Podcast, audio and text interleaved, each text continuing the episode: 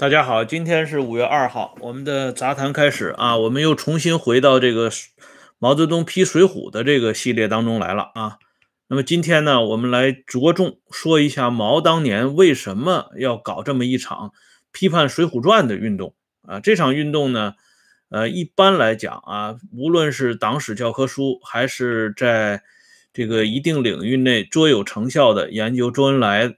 呃，历史的这些学者们的眼中呢，都知道这个毛批《水浒》呢，啊，一般来讲是一箭双雕，一个呢，呃，就是批这个周恩来，哎，再一个呢是警告邓小平，啊，让邓呢夹起尾巴做人，不要重新再犯以前的老毛病。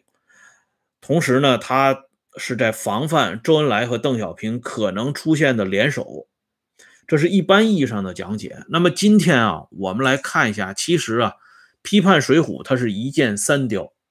当初毛的这番语录，大家看一下啊，《水浒》只反贪官不反皇帝啊，宋江投降搞修正主义，把晁盖的聚义厅改成忠义堂啊，让人招安了等等啊，这些话呢，根本一点当然是敲打这个啊。当时的这个周恩来和邓小平，啊，防范他们走回头路，这是表面上的含义。所以这就是为什么啊，这个当初王海荣、唐文生这两位特殊身份的联络员问毛泽东为什么想起来批《水浒》的时候，毛呢笑而不语，只说了一句话：“看鲁迅看来的。”啊，因为鲁迅当初呢对《水浒传》他有一番这个评价，哎。实际上，毛这个时候啊，按照这个高文谦先生当时他在晚年周恩来里边的描述，他认为呢，毛泽东那个时候对王海荣和唐文生这两个人已经不放心了。毛确实后来也说过这样的话啊，说王唐二人这两只小老鼠看我这条船要沉了，赶紧跑到邓小平那里去啊。当然这些都是后话。这个时候，毛批判《水浒》还停留在敲山震虎这个阶段。他真正要批判的是第一顺位的是周恩来，哎，所以当时呢，这个连环画啊出了好多，就是投降派宋江，江青呢也正是秉持秉承毛的这个意图啊，开动宣传机器，把这矛头表面上对准宋江，实际上含沙射影，霹雳杨秋指的就是周恩来。这里啊，我们有必要回忆一下当年这一部老的电视剧《水浒传》，中央台拍的啊，是由李雪健先生主演的。这个要说当年伟大领袖这批判《水浒传》的力度真的很大啊。这个时隔几十年之后，在电视剧重拍《水浒传》的时候，李雪健的精彩演出呢，还能够把投降派宋江的那副嘴脸刻画的淋漓尽致。只不过呢，这个时候不仅是嘴脸啊。大家看一下，每当这个李雪健下跪的时候，他这个撅起来的这个部位呢，都比别人高很多啊。这张图片呢，大家能够看得很清楚，这个有对比就有真知嘛。那么下边呢，再来两张特写，你看看啊，李雪健先生在扮演投降派宋江的时候非常卖力气啊，你看他的这个后部啊，这个靠尾，呃，撅的真是很厉害。哎，所以呢，我觉得李雪健在《水浒传》当中的表演，跟他之前演焦裕禄啊、演渴望，之前号称是技压群雄，到了晚年呢，李雪健是屁压群雄，所以这样的人物，他不当中国电影家协会主席那是没有可能的，一定是要来他当的啊。那么当时呢，毛把周看成是两个标杆一个周是。实力派的标杆，再一个，周是老干部的代表人物。关于这一点，周自己也不讳言。在当初给这个陈毅送别的时候，周恩来就说过这样的话。一九七二年八月一号到二号啊，陈毅的这个事情过去之后，周恩来有一个表态，他说：“主席参加陈毅同志的追悼会，使我们这些老干部，使我们忠于主席的人都很感动。”他自己就把自己划到这个老干部群体里边去了。哎，而毛呢，对他的这种概念，不仅仅是当年的这个历史上的旧恨啊，同时呢还有新的东西。因为这个时候啊，毛和邓小平已经开始貌合神离，同床异梦。当年啊，这个欢迎邓小平复出要达到的目的，就是来制衡周恩来的这个目的，显然只做到了一半而由这个目的带来的巨大的副作用，正在逐渐的发酵。而这种发酵，恰恰是毛晚年最不想看到的。邓重新做大，重新做大之后的邓呢，那种骨子里的强硬仍然没有丝毫的改变。对文革新贵，特别是以江青为代表的这批人物，丝毫不假辞色啊。但是呢，因为邓是毛一手提拔起来的人物，对于邓肚子里的这些花花肠子，毛是心知肚明的。毛最担心的一点是在邓处理这些问题过程当中，周恩来在扮演一个什么样的角色？而周恩来这个时候似乎呢是在故伎重演。什么叫故伎重演呢？就是周所采用的这种手段，跟当年啊在文化大革命之前的那种做法，以及最早在江西瑞金苏区时候的做法。有异曲同工之处，啊，在江西苏区的时候，周的屁股跟博古他们坐到了一起，所以毛黯然下课。啊，整风之后呢，周已经是俯首帖耳，特别是一九五八年之后，啊，周对毛已经是亦步亦趋。哎，所以周在庐山会议上讲的很清楚，谁说巡抚就没有骨头？每个人都要巡抚，啊，他已经开始朝巡抚的方向走，但是内容不及于此啊，因为毛对周非常之了解，他知道这个人跪着造反的本领，那党内可以说是无有出其右者啊，没有人能跟周相提并论。而周在文化大革命前呢，他的这种摇摆不定。和暧昧未知的态度，让刘少奇和邓小平都向周恩来靠拢。同时呢，周对于毛的一些指示有更深的领会，所以在规避刘少奇、邓小平的风险方面，周又往往啊先知先先得啊，棋高一招，非常之老练，滑的简直跟泥鳅一样，抓不到任何实质性的把柄。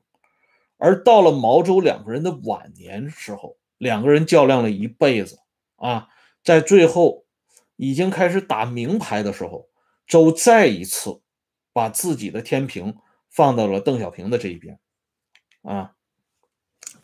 周的这个卫士高振普曾经有过回忆，这高文谦先生呢，在他的专著里边呢，也给大家专门引用了啊，就是。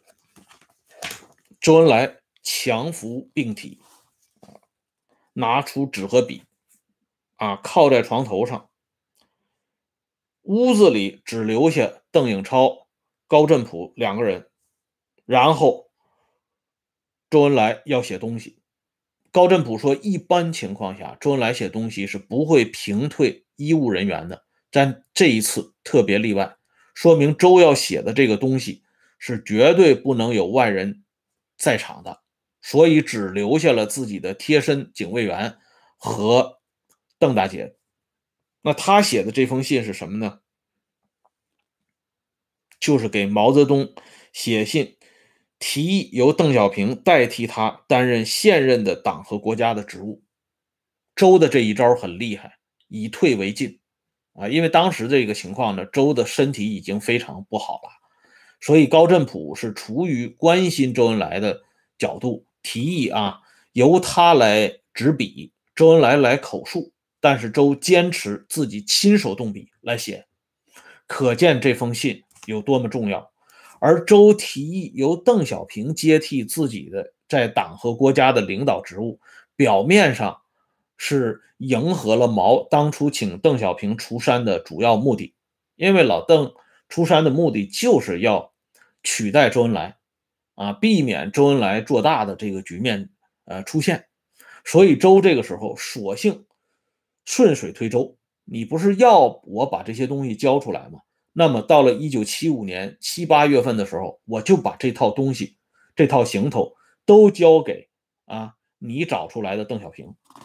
可是另外一方面，这实际上是将了毛一军儿，因为当时的邓，我们刚才说到了，他跟毛已经是貌合神离了。他周恩来把这些担子都交给邓小平，等于说把邓推到前台。一方面呢是把邓放在火上烤，另外一方面也是把江青这些人放在火上烤。当然，把这两组人物放在火上烤的最终一招，就是把毛放在火上烤，看毛接不接这一招。所以毛在这个时候他坐不住了，他看出来周更长远的一个暗线，就是说，刚才我们讲他周恩来的以退为进，他是两步。啊！但其实周恩来还有隐藏的第三步，周恩来隐藏的第三步就是针对毛的一箭三雕的第三雕。因此呢，毛只能选择痛骂江青，说江青出面搞的这个批判《水浒》是文不对题，是放屁。这件事情呢，被高高举起，轻轻放下，但毛心目中的隐忧始终没有消散，并且呢，进一步的加重了。这个时候的毛啊，因为来日无多啊，他考虑的问题已经比文化大革命初期更严重，而这个时候的周走到了人生的尽头。换句话说，周恩来用这条老命，在最后的时间段里有力的回击了毛一把，啊，可以说是拼尽了全身的气力。这一招是周恩来非常高明的一招。而且也是把毛逼到墙角，最终让毛的这个政治路线在稍后的四五运动当中全部破产的一个最重要的证据啊！这就是我要说的周恩来的第三招暗线，也是毛的第三招，是什么概念呢？就是说批判《水浒传》最根本的一条原因是什么呢？我们来看一下毛泽东当初写给江青的这封信，这是一九六六年七月八号，啊写的这封信。关于这封信的原始时间啊，这个目前研究党史的人们都有争议。但不管怎么说吧，这是毛与江青两个人之间的一次非常认真的对话。毛同江青对话当中就提出了自己的这种隐忧。他说，在他死后一个什么时机，右派当权之时，啊，就会利用毛的一些说法，去企图永远高举这个反革命的大旗的。中国如果发生这种右派的这个政变，那么右派是会利用毛的话得势于一时。虽然毛最后也估计啊。这个左派肯定会利用他的另外一些话组织起来将右派打倒，但是对于右派可能出现的这个掌权，毛内心是非常恐惧的。而这里所说的右派，绝不是说党内呃党外的那些啊知识分子啊那些意见者，那些人根本成不了气候。毛所说的右派和他心目中的所谓的修正主义，矛头指向就是他亲手提携起来的这个官僚集团。这里边呢，我们举一个例子，谭震林。谭震林这个人啊，我之前讲过，他读书不多，读了两三年的书啊，没什么文化。但是这个人是如何走向革命道路的呢？谭震林晚年有一个回忆，他说他在学徒的时候，就是因为看了《水浒传》，明白了一个道理：要打倒欺负穷人的坏蛋，光靠英雄豪杰一个人的力量不行。还要靠一伙肝胆相照、利害一致的人一块去造反，就像书中说的“聚义啊，聚众起事”，这是谭震林读《水浒》的最大心得。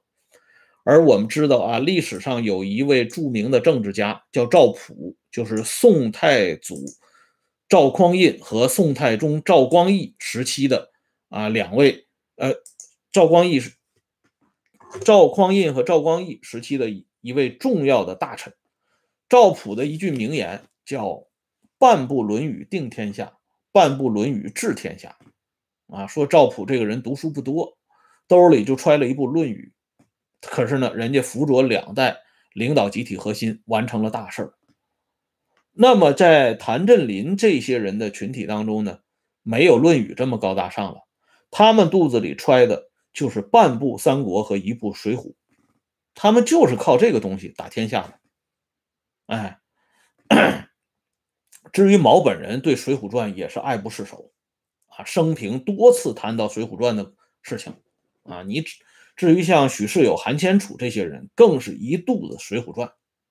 哎，而谭震林所说的聚众起事这一点，就是那句话“法不责众”或者是“众怒难犯”。对于谭震林这样的人，毛其实更清楚，因为谭震林肚子里除了《水浒传》以外，他还有一个提升。谭震林自己说过，听毛泽东同志。阐述哲学道理，受到潜移默化的教育，思想随着开阔起来，理论水平也逐步提高了，逐步提高了。换句话说呢，这个一肚子装了《水浒传》的人啊，在这个时候，他又得到了啊理论上的提升和升华。哎，所以呢，我们看一下。毛对这个老干部群体，一则以爱，一则以惧。这个爱呢，是指用这些人用顺手了，啊，离不开这么一个团体。但是呢，他也有畏惧的地方，因为这些老家伙们真的是老奸巨猾，啊，既有一定的理论水平，这个理论水平当然就是从毛大帅本人身上抄抄来的，同时呢。这一肚子《水浒传》的啊精华，王张江瑶这些人是绝对不是对手的。所以毛自纯自己百年之后，这些老家伙们会不会翻天？他发动的这场声势浩大的批水浒运动，更多的是在警告这个群体，警告这个官僚集团，千万不要去当宋江啊！如果你们敢于当宋江，那么你们必然被人民群众所推翻，但这个时候毛实际上是心有余而力不足，所以他的这个发动《水浒传》的批判，让相当一部分老家伙们已经看透了。啊，毛也已经出现了他经常说的那句话：“色厉内荏。”哎，而周恩来最高明的地方在于什么呢？他是祸水东移。他把毛批判、暗中批判老干部、警告老干部群体的这个东西呢，直接引到了自己身上。他出头，充当了老干部集体的保护伞或者是挡箭牌。于是呢，他用他的这条生命，换来了最后这个整个群体，包括不明真相的广大人民群众对他的巨大同情。那么。对他的巨大同情的同时，必然把咱们伟大领袖抛到同情的反面去。所以周最后死了之后，会出现四五运动，绝不是偶然的。而四五运动也绝不仅仅是群众自发就能够达到那个规模、那个程度和那个影响的。哎，由四五运动对毛所造成的重大的冲击，啊，也绝不仅仅是老百姓这个层面能够做到的。所以说，在毛周最后较量的过程当中，批《水浒》是一个重要的章节，可以说是常吃常新。好了，今天呢，关于这个话题，咱们就说到这里啊。感谢朋友们上来支持和收看。接下来呢，明天会有一个很有意思的事情啊，跟大家在一起聊一聊，就是说这些老干部群体对毛泽东。为什么会有这么大的反弹啊？一方面呢，他们当然是不满意文化大革命当中对他们的种种的冲击和打压，这个感同身受，不必详细描述。问题的另一方面就是毛所使用的这些城狐社属啊，就是这些文革新贵们，他们的底细，老干部们心里最清楚。哎，况且这些人玩了一辈子的《水浒传》。哎，对于王张江瑶，特别是江青这个人，他是什么来路，他的底子到底有多潮？明天我们将介绍一位曾经跟江青在上海短期内睡过觉的老同志的专门回忆。啊，欢迎大家届时收看和收听。欢迎大家关注“温相说时政”会员频道，周一到周五每天都有更新。再见。